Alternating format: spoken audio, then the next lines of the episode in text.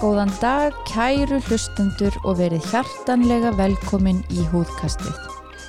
Húðkastið er podcast þáttur húðlagnastöðvarinnar um allt sem við kemur húð, frá húðvandamálum til fegrunar aðgerða og allt þar á milli. Við heitum Ragnar Hlín, Janna Huld og Arna Björk og við erum húðlagnar með brennandi áhuga á húðinni. Já, góðan daginn og velkomin í húkastið. Nú setjum við tvær hér í dag, það er ég og Ragnar og við ætlum að ræða meðferðir eh, gegn atopísku eksemi eða sem áður var oft talað um batneksem. Já, í síðasta þætti fórum við þessi gegnum orsakir, fylgikvilla og, og, og hérna e, Ofnæmi, ofnæmi. tengsls við ofnæmi sem er askaplega mikilvægt málefni og, og, og verðt að hafa í huga þegar að, að börn eru með atopískt eksem. Nákvæmlega. En nú ætlum við að dempa okkur svolítið í meðferðir. Þegar að uh, við uh, fáum í rauninni uh, nýgreindan einstakling sem að er þá í rauninni með uh, uh, atomisteksim og þetta getur náttúrulega að vera öllum skalanum frá örfáum blettum og, og svo eitthvað meira dreiftaðans yfir líkamann og í það að vera bara mjög svæsið um allan, nær allan líkamann. Þannig að auðvitað stýrist meðferðin mjög mikið af alvarleika sjúkdómsins. Algjörlega.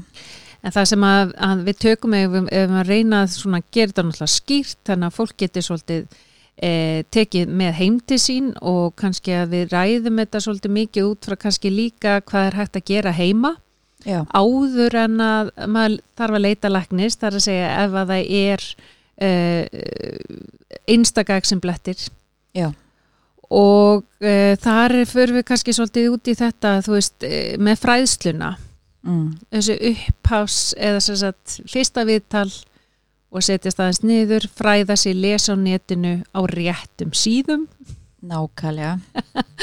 og það getur verið eins og uh, Spoex eða eitthvað svoleiðis sem að, að hérna er samtus psoriasis og eczem sjúklinga á Íslandi og þar geta verið mjög góður upplýsingar.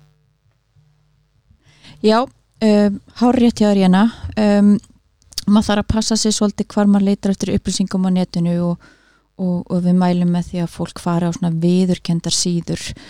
Um, mikið náttúrulega í, þessu nútíma þjófélagi verið að um, allir orðnir sérfræðingar og, og mikið verið að gefa ráð á, á Facebook og spjallsíðum og Sjúklingahópum, sjúklingahópum og, og hérna, jújú, jú, vissulega getum að fengja ágætist tips en, en maður þarf svona kannski að hafa það hafa pínu varan á, að Já. treysta ekki öllu sem að, sem að maður lesa á netinu. nei. Og eitt sem á við e, þig á kannski ekki endilega við mig. Nákvæmlega. Þetta er eins og með bara nánast alltaf að, að hérna, þetta er ofta, oft einstaklingsmiðuð meðferð. Og það er uh, grunnurinn ef við förum út í það sem við rálegjum öllum með XM, alveg saman hvað slæmir þeir eru. Það er rakakrem. Já. Ekki satt. Og við leggjum aldrei of mikla áherslu á raka krem. Rakakrem er náttúrulega viðheldur raka húðarinnar og styrkir varnalagið sem við rættum í síðasta þætti að væri, hvað maður að segja, svolítið veikt, veikara fyrir og, og gödóttara heldur en hjá öðrum sem eru með alveg heilbriða húð. Já, og, og, og þess vegna er, er svo mikilvægt að reyna að uh, svolítið að loka þessu varnalagi og reyna að innsikla betur rakan í húðinni vegna þess að um, það getur komið veg fyrir og allavega minga tíðni þessar akut vestnana sem fólk er að upplifa. Já. Þannig að, og, og þetta er eitthvað sem að rannsóknir hafa sínt, þetta er ekkert sem við erum að búa til Nei. þannig að, hérna, að, að daglega nótkunn rakakrema er gífurlega mikilvæg Já, ymmit í og leggjum áherslu á í að fyrirbyggja vestanir og þá kemur næsta spurning og hvaða rakakrem á ég að nota? Já Sko almennt séð uh, þarf XM húð uh, frekar feitari krem en, en svona lotion eða, eða vaskend krem. Hins vegar verður maður náttúrulega bara svolítið að testa sig áfram.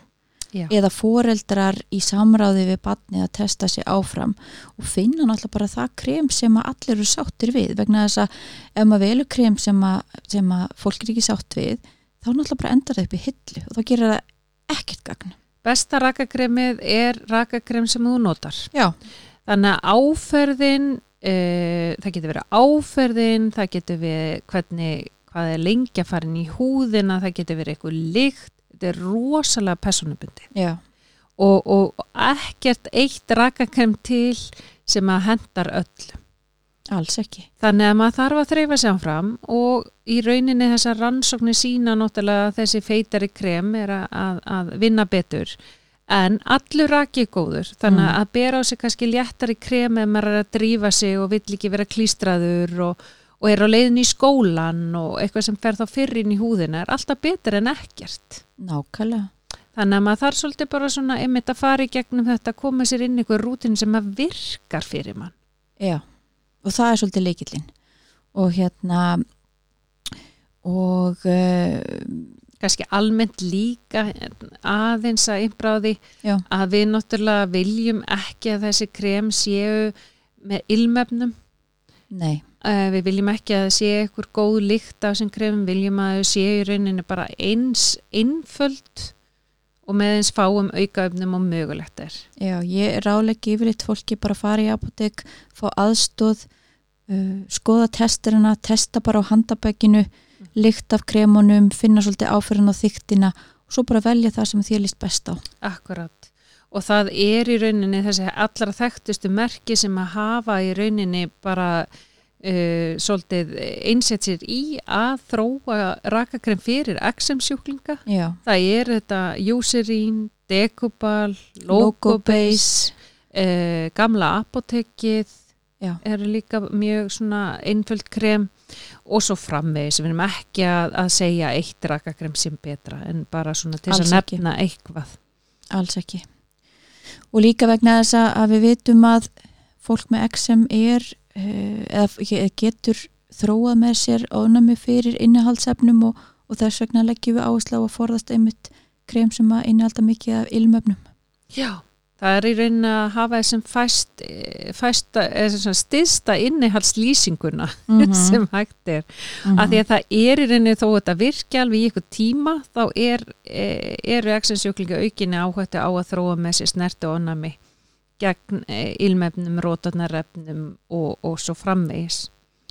og, og ég legg líka svolítið áherslu á það þegar hérna, þetta er náttúrulega eitthvað sem kemur upp í hverju einasta samtali þegar maður hittir fólk með XM eða foreldra barna með XM að, að maður er alltaf innbra á þessu hversu mikilvægt rakakremi sé og fólk er mis gott, mis hérna eh, notar þau mis mikið en uh, þegar ég nefni að, að hérna rakakrem er einn besta leiðin til þess að slá og kláða uh, og að það geti minka tíðni þessara vestana eins og ég sagði áðan og líka minka tíðni sterakremuna.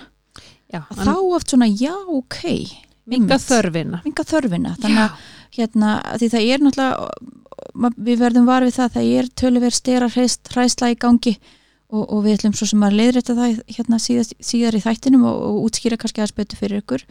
Mjög mikilvægt að leiðrétta það. Já, já, við erum að fara að gera það en, en svona af því að þetta er í gangi að fólk hérna er hrættu sterana að þá, þá getur Mm með því að nota kremin, rakakremin reglulega þá getur minga þessa þörf Svo er náttúrulega vissi þættir e, svona í hvað með þessu, þessu daglega lífi eða amstri sem að maður getur breytt. Það er að segja ef að það er óhöfleg nokkun á sturtu eða böðum eða sundi og svo frammeis.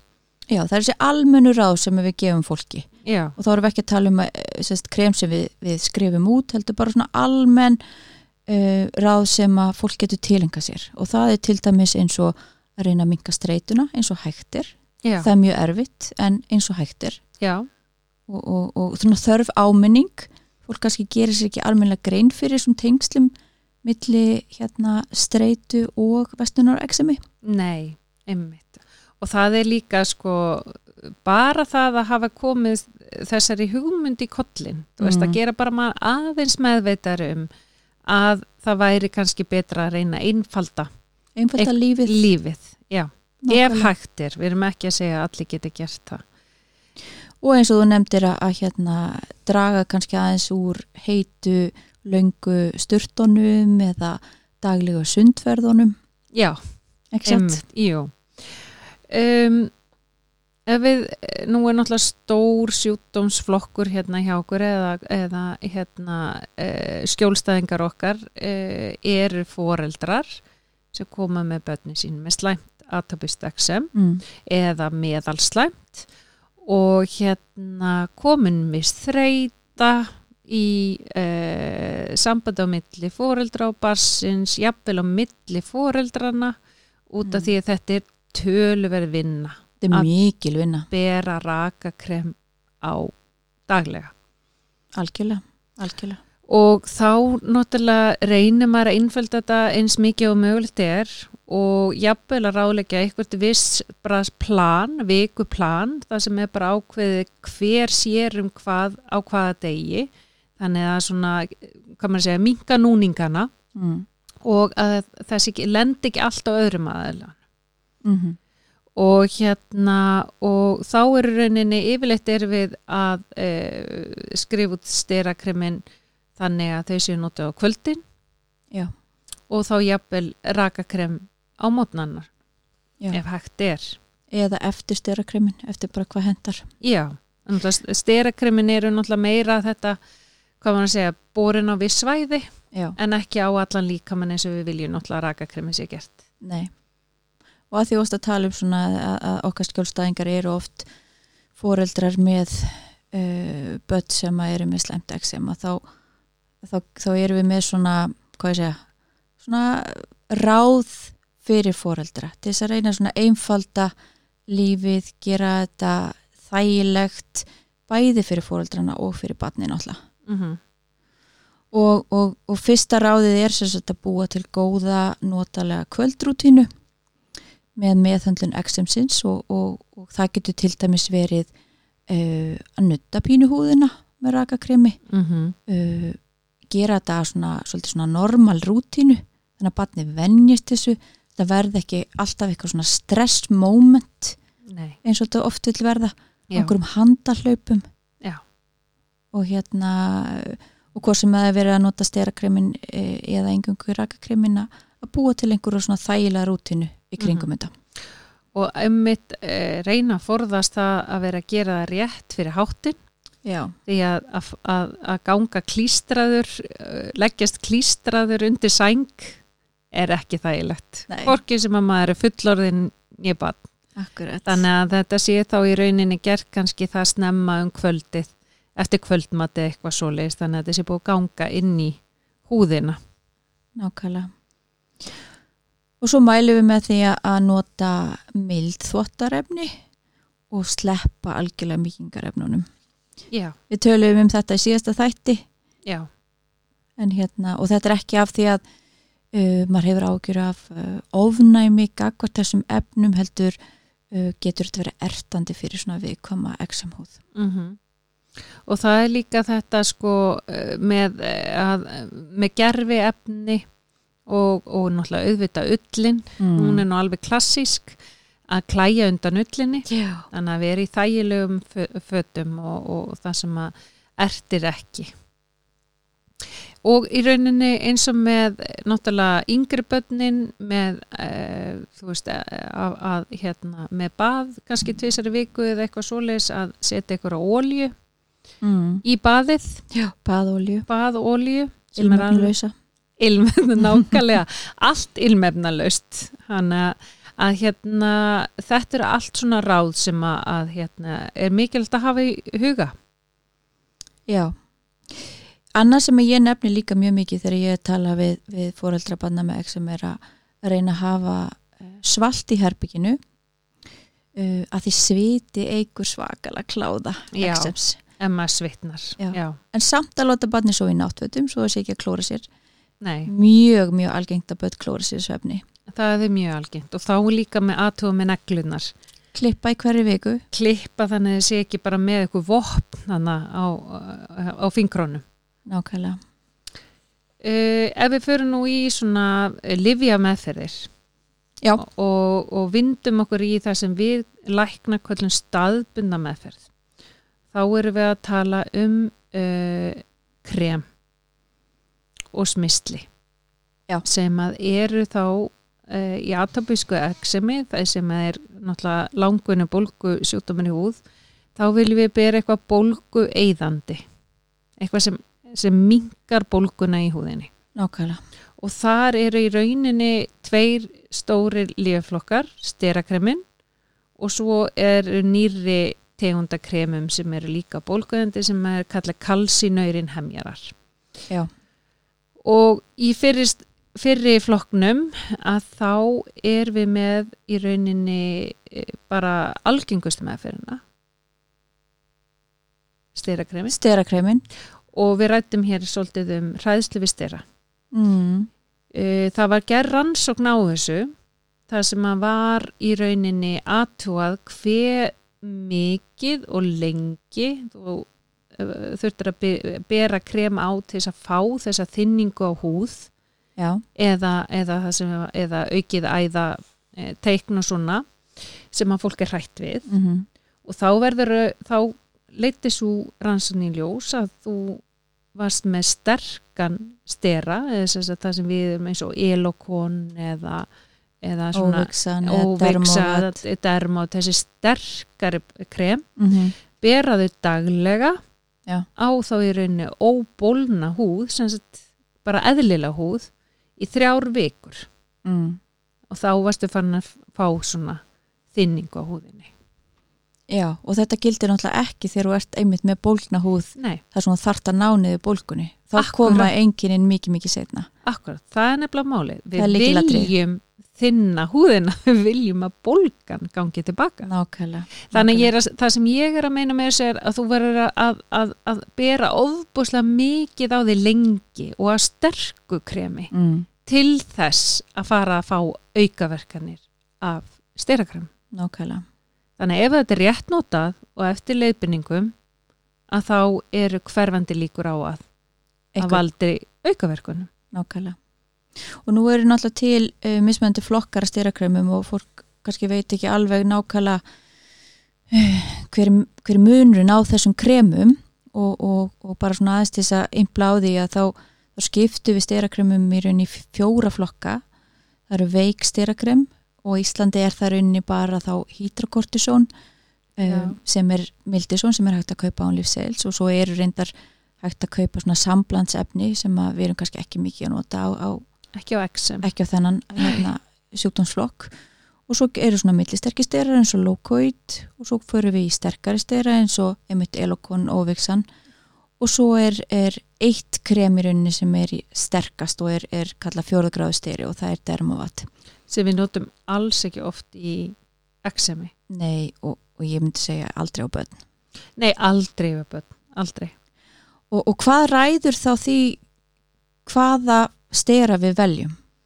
Ég nefnilega, þú veist, eh, það er nefnilega málið að, að svona með þessum eh, nýrri rannsóknum á bara nokkun styrakrema í atopisku eksemi, Mm. þá náttúrulega hef, hafa þessar nýjustu rannsóknir sínt að þú þarft, þú ert að fá sama árangur að því að bera einu sinna á dag Mm. og tvisar á dag.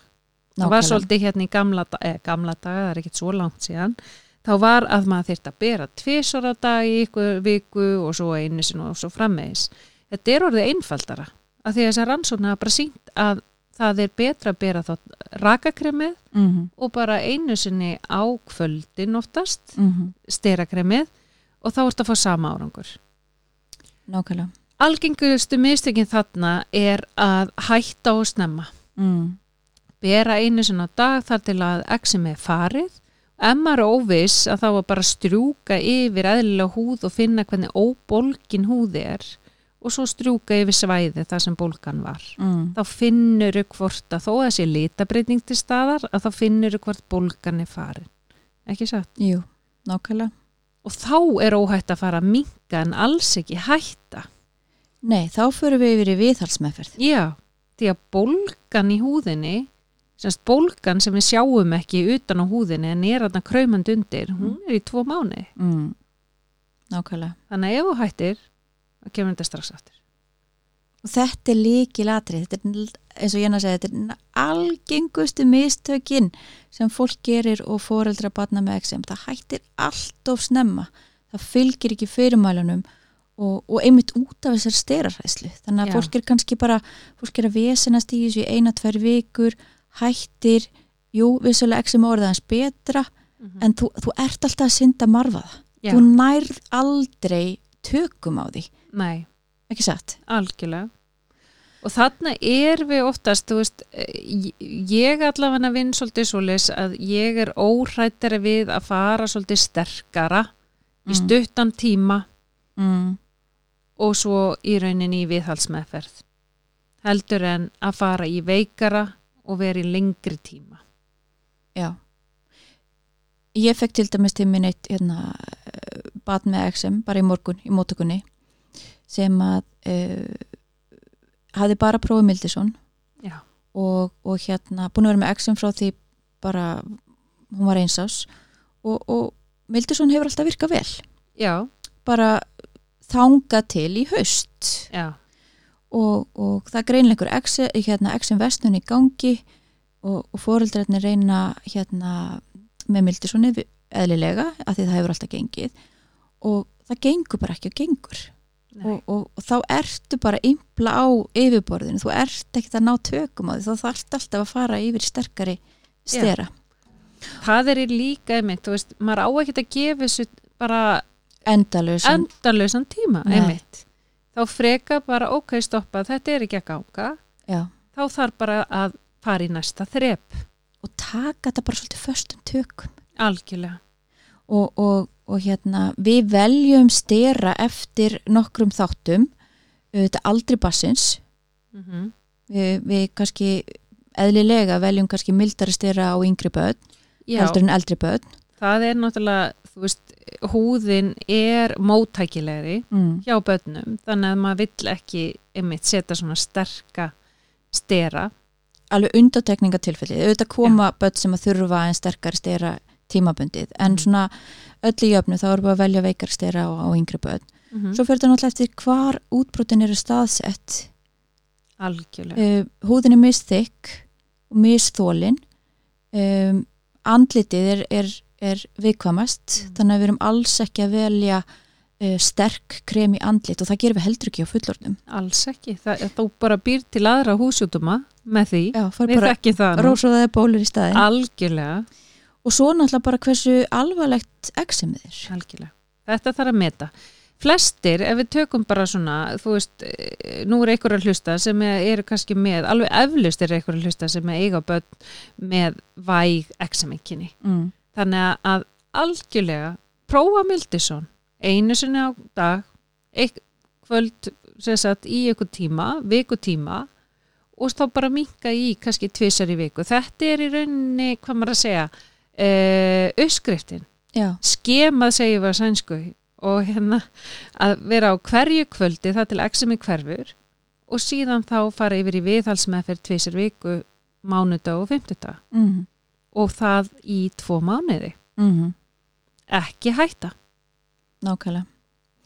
Og þetta er eitthvað sem, að, sem er hægt að reyna áður en fólk leitar til heiminslæknis eða leitar til okkar.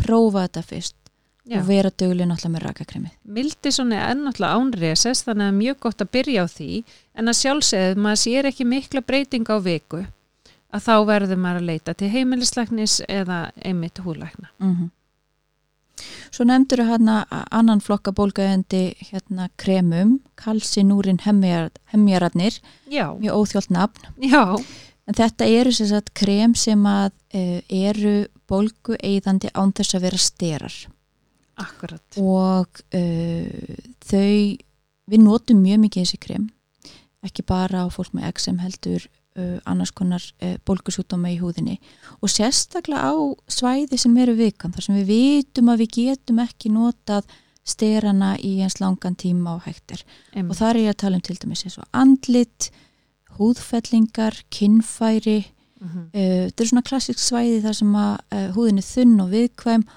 og maður vil kannski maður maður er hrættari við uh, sterana Þetta var náttúrulega guðskjöf til húlækna Já. þegar að þessi krem komu. Við verðum bara að segja það. Það er ekki verið mikið þróun í bólgu eyðandi kremum í bara tíu ára. Svo koma finnarnir, frændur okkar, Nákvæmlega með Protopic og þetta voru rosalega flotta rannsóknir fyrst.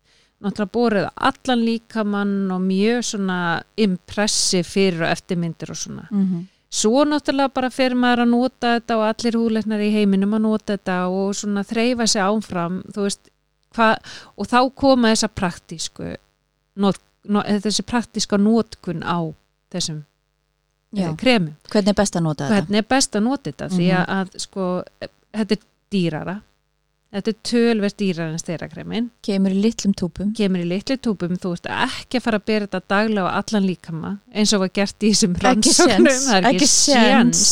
þú þurfti bara að veðsetja húsið þitt eitthvað. Já. og svo líka bara hefur reynslan sínt að þetta er ekkit alveg að virka á allt sem heldur, þetta virka vel einmitt á þessi svæði sem þú uh, nefndir hérna. Mm viðkvæmi svæði og við notum mjög mikið eins og að innfælda meðferð í andlit að því þú mátt bera í, í kringum augu og auglokk líka.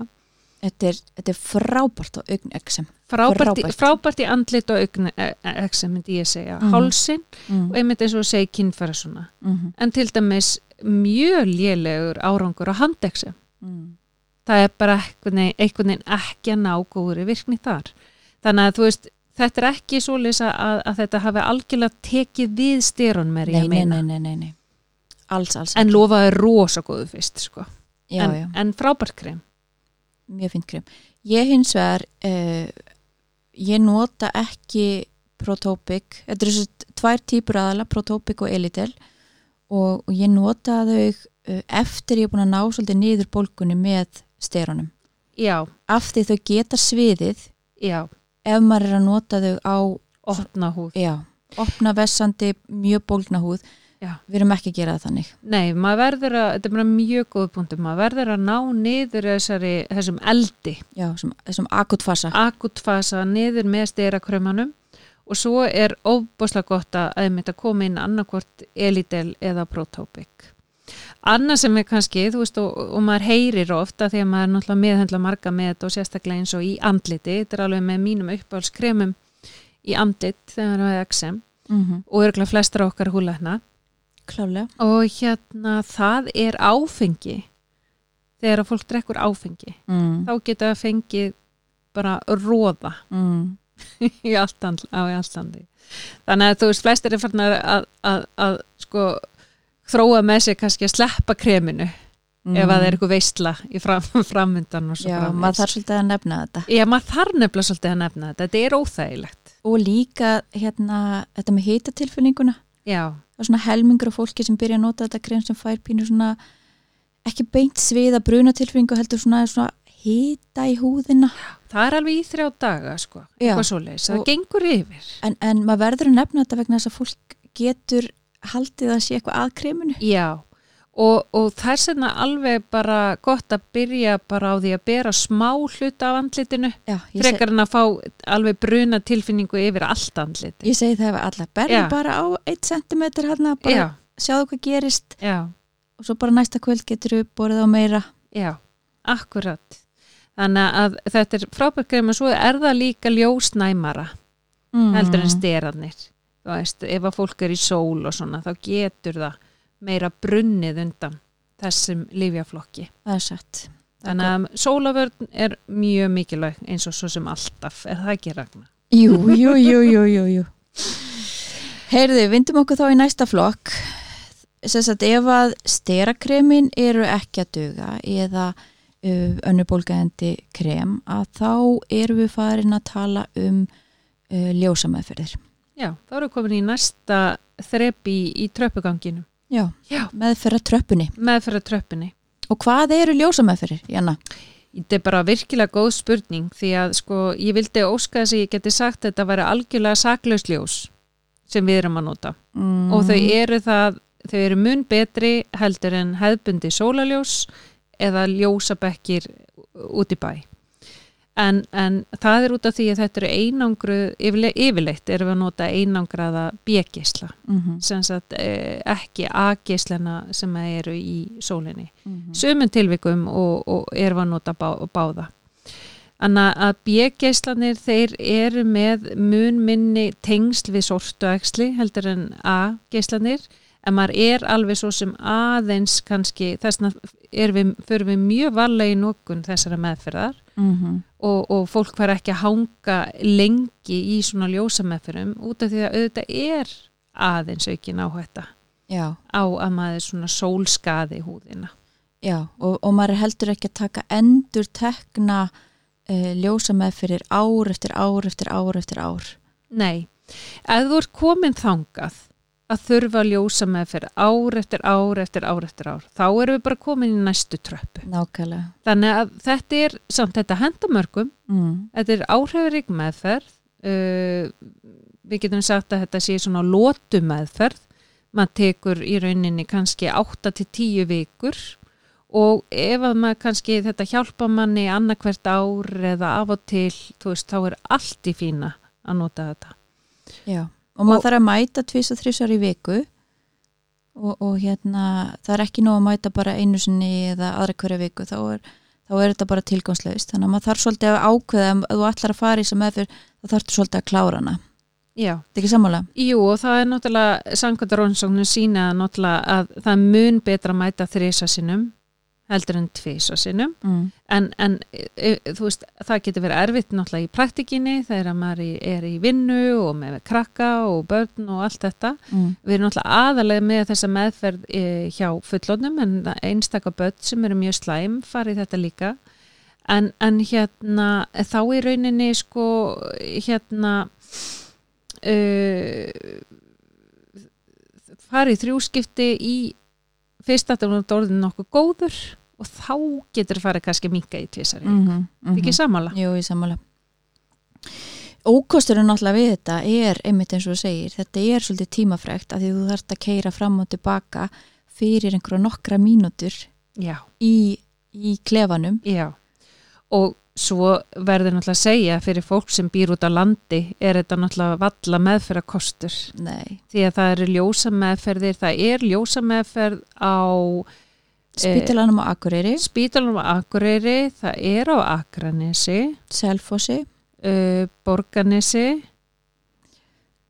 Nú er ég óklár með Ísafjörð. Ég er ekki viss. það En- ætti náttúrulega að vera það spítal á Ísafjörði. En ég veit í rauninni það er í rauninni sko Selfoss og svo er ekkert alveg þar austur eftir sko. Engin ljósameðferð sko. Ekki á Egilstu. Gæti verið eigistum. Við erum greinlega, við hefum glimt þessum punkta svona kannski aðeins. Við, við skulum koma með, með þetta á Instagram eða eitthvað. Með að við hef ekki uh, ég er ekki viss með eigist það Nei, við þurfum að kanna þetta. já, við þurfum að kanna það fyrir austfyrringa þetta er náttúrulega uh, stundu þarf maður bara að hoppa einfallega yfir þetta skrifa því þetta bara er ekki svona praktist séð að virka Bláa lóni náttúrulega. það er bláalóni, þar eru mjög góð öfabéljós Mm. og ef að húðin er ekki opin eða svona síkt, þá er mjög gott að fara í lóni Mm. Já, þetta var ljósameðferðir. Heyrðu, hvað gerir maður þá næst ef að þetta er ekki að dug og maður er farin að þurfa, eins og þú sagðir, ljósameðferðir á hverju einasta ári eða jafnvel vors og haust. já, og það er kannski þú veist, eitt bara áður með lokum ljósunum Já, að þú veist hvað, af hverju virka ljósin ljósin virka af því þau eru ónæmisbælandi. akkurat þau eru bara bólgu eyðandi Það eigða bólgunni sem er í examinu eða psoriasis eða öðrum bólgusjútum sem við notum ljósin á. Já. Þessna virka þau. En þau taka svolítið tíma að virka Já. og kosturinn náttúrulega við þau er líka að oft helst batinn svolítið lengi eftir á. akkurat, Þannig að hérna fólk er kannski ekki að lenda í þessum svona slæmu vestunum bara strax á það hættir meðferð eins og, Þetta- eins og getur náttúrulega gæst við, við notkun staðbunda meðferða þetta er náttúrulega frábær meðferð við þunnu atopísku eksemi sem er dreift mm. um allan líkamann því að það er svo erfitt að vera að bera náttúrulega krem á, Á á stór svæði já, og Nákvæmlega. bakið og svo frammeins Akkurat Já, en ræðum næsta, við erum komin þá í livja meðferðir, uh, sem sagt töflur eða sprautur, ekki krem, heldur í töflur eða inntöku, til inntöku getur við sagt. Akkurat Og hérna, það er ekkit óalgengt að, að exensjúklingu sem gengur inn til okkar í fullornin ein, einstaklega komi og, og sé að takins ofnamistöflur að staðaldri. mm og ég, ég hugsa áður fyrr þá var mikið notað af ónæmislefjum Mm á fólk með XM en rannsóknir hafa bara sínt að þau er ekkert að virka rosalega vel. Nei, ekki þessar nýju típur, ekki þessar klassísku ónæmslið sem að eru núna notuð gegn eins og frjókotna eh, ónæmi og, mm og katarónum og slíku en, en það virka ekki nógu vel á hann kláða. Nei, þeir vil, virka ekki vel á atópískan atópís XM kláða Akkurat. því hann er náttúrulega út á bólgun í húðinni. Mm þannig að, að, að það náttúrulega ekki út að hista mín losun eða eitthvað svoleiðis. Sko, sko mastfrumi koma alveg við sögu Já, já, og, og það er einhver histamin losun en, en það er ekki þannig að, þú getur slegja á kláðan með þessum típisku ónæmislefum. Hins vegar er stundum notað þessar gömlu típur af Mhm. ónæmislefum eins og til Mhm. dæmis atarakstöflur og, og sem við notum, við kallum það stundum kláðatöflur að því við notum þar ofta á, á ímuskona kláða sem tengist ímuskona húsjúdómum og, og þá, þá er maður kannski að nota það hjá fólki sem er að sofa svakalega illa út af sínum húsjúdómi það sefur ekki fyrir kláða og svefnin er orðin mikið vandamál og, og af því þessi gömlu ónæmisleif að þau eru svona pínu um, gera mann pínu þreyttan. Já, það eru smá sljókandi. Já, án þess að vera ávanabindandi.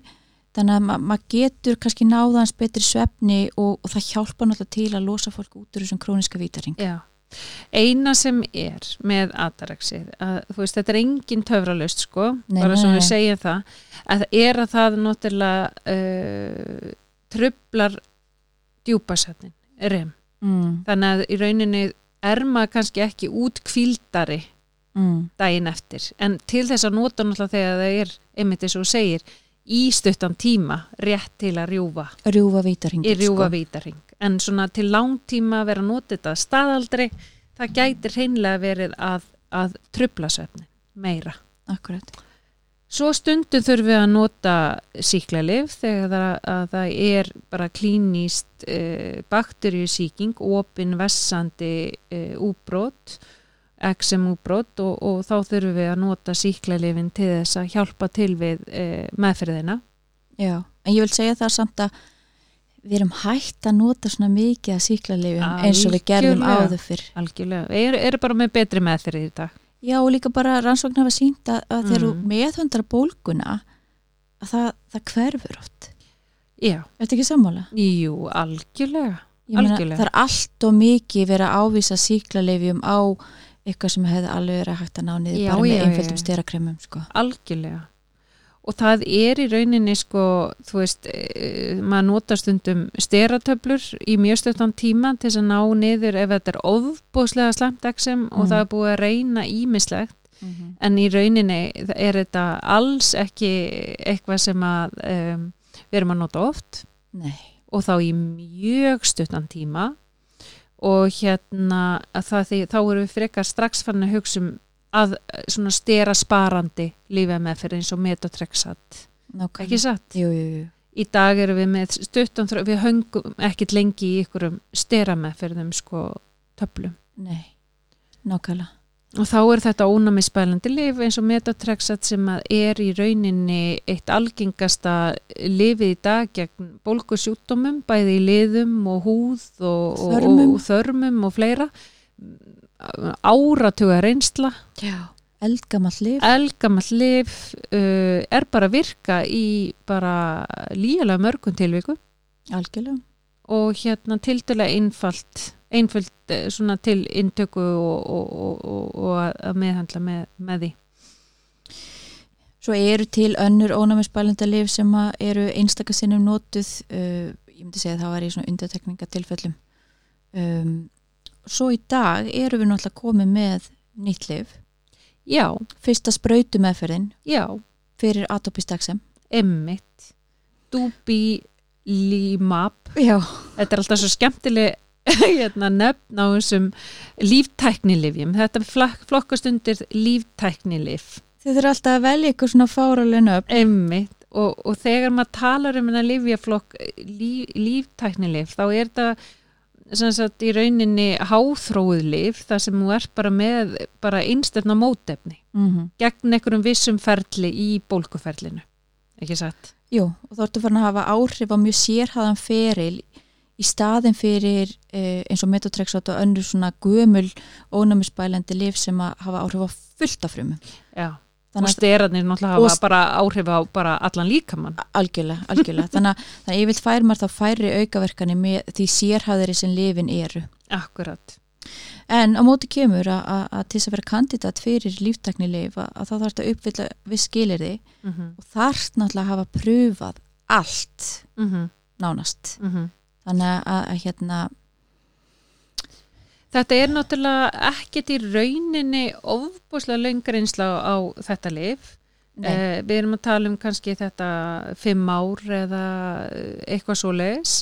Það sem að það er mikið notað í heiminum. mm -hmm. Þannig að það er ennþá, það er ennþá verið kannski svolítið að læra á, á það og aukaverkanir eins og bara gerist með öll nýlif. það, ekki, það er ekki komin þessi langtíma reynsla kannski. Nei, það er þessi langtíma reynsla er ennþá svona svolítið að, að koma og það, það er náttúrulega uh, hefur sérst að það, það er svolítið uh, hvað maður segir, fylgikvilli þessa lifs að, að vera með bólgu í, í augnkvörmum Mm, sem að hjá sumum er að, valda uh, tölunum óþægindu mm, en, en almennt þá er náttúrulega ofbúslega gott að eiga svona lif fyrir þá sem svara engu öðru þetta er svona loka úræðið Já, end, endapunkturinn endapunktur, já, já. Nákvæmlega. og fleiri lif þarna að koma Já, já, það er fullt af rannsóknum í gangi og, og hérna eins og kannski var svolítið á sínum tíma fyrir sóriðsjúklinga um, þannig að þetta er alltaf að taka við sér mm -hmm. þessi hérna þessi lif fyrir atopist XM akkurat. En uh, við höfum hérna við fengið margar spurningar á Instagram. Já, um hérna það greinlega gífurlegir áhugi á atopisku eksemi en það er það svo algengt að- já, nánast 50 hver íslendingur var með eða er með atopist eksem þannig að það er ekki skrítið að þið hafi áhuga á að vita meira um, um, um þennan sjúkdóm og, og við, er, við fórum í gegnum allar svo spurningar áður við hérna, tókum upp bæði síðasta þátt og þennan þátt og, og við teljum okkur nú hafa svarað þeim flestum. Um, ein spurningin var hvort að maður læknist. Já, er hægt að lækna atópistax? já, er þetta að lækna það? E, nei, Nei, við getum haldið í niðri, við getum haldið enginum niðri, en í rauninni er þetta hluti af þér mm. í genamenginu þínu, í erðamenginu sem þú fjagst frá fóruldrinu þínu, já, þannig að við getum ekki slögt á því.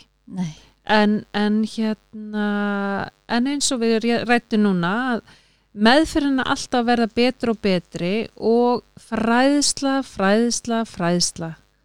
Fræðast um sjúkdóminn. Já. Hafi í huga, hvað gerir mig verri? Forðast þá þætti. mm. Uh, taka bara, þú veist, eitthvað sem virka fyrir því með rakakrem, allt þetta sem vorum að ræða. og fylgja fyrirmælum Þú ætlaði stóra hluti, Ragnar. nei, ég menna meðferra heldni er náttúrulega risastóstu vandamál Við höfum fulla trú um til dæmis svona hjálpartæki eins og app, já, það sem að kemur fræðsla koma í rauninni, það er allir með síma í dag. Þetta er framtíðin. Þetta er framtíðin. Og ég, þetta, það er virkilega spennandi. Við rættum þetta í síðasta þætti að það væri rannsókn í sam, saminu við um, Sidekick Health. Sidekick Health það sem við er, erum komum að þróun í rauninni app sem meðferða úrræði. Fyrir fólk með atopist exim og þar er bara virkilega spennandi niðurstur að koma. Við mörum öruglega að ræða um það þegar það er komið en eh, svona bendi til að fólk uh, þykki þetta, þessar ámenningar þessar fræðslu móla mm -hmm. og, og að þetta komi allt í síman. Nákvæmlega. Látum þetta vera loka orðin í dag. Við þakkum kæla fyrir okkur. Uh, við munum uh, reyna að setja inn einhverja myndir á Instagram þegar þátturinn kemur út til frekari útskýringa en annars er velkom að hafa samband við okkur ef, að, ef það er eitthvað sem er óskýrt. Já, takk fyrir í dag. Takk fyrir.